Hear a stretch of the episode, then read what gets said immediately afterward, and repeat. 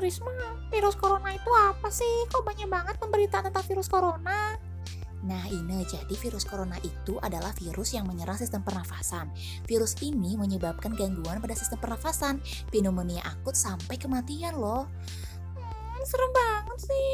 Virus corona itu dapat dicegah nggak sih? Dengan cara apa?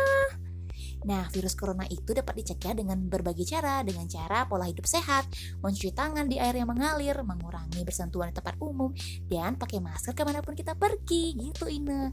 Dengan demikian, kita sebagai masyarakat nih, khususnya warganet haruslah memilah informasi dengan bijak agar nantinya tidak terjadi hoax dan kondusivitas tetap terjaga, gitu Ine. Jadi, marilah kita bersama-sama cegah penyebaran virus corona dengan cuci tangan, pakai masker, dan mengkonsumsi makanan yang bergizi, gitu Ine. Oke gitu ya. Ayo teman-teman jangan lupa pakai masker dan tetap jaga kesehatan ya.